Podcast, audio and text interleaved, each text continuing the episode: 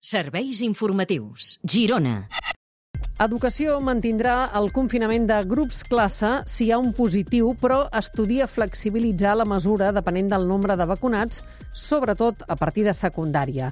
El departament acaba de reiterar avui que el curs començarà el 13 de setembre amb el 100% dels centres oberts i amb alumnes i professors a les classes.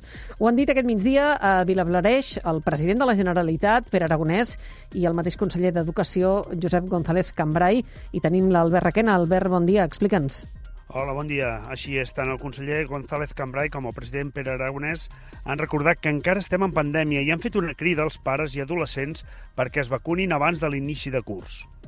I avui vull aprofitar de nou per fer una crida a tots els adolescents, als joves del nostre país, a partir de 12 anys, els que seran els alumnes d'instituts com aquest, que, que es vacunin, que aprofitin l'oportunitat d'aquests dies de començar doncs, ja el curs escolar amb la primera dosi administrada.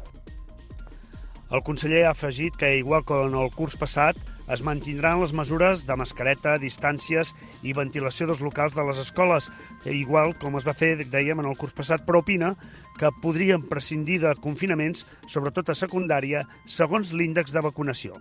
Per tant, a mesura que ens anem aproximant a aquestes xifres altes de vacunació del nostre alumnat i també en funció de que tinguin tota la pauta completa, amb el Departament de Salut s'està estudiant aquesta setmana que aquest alumnat, segurament, amb tota probabilitat, és una decisió sanitària, no caldrà que faci quarantena. Les declaracions les han fet a la visita en obres del nou Institut de Vilablarets al Gironès.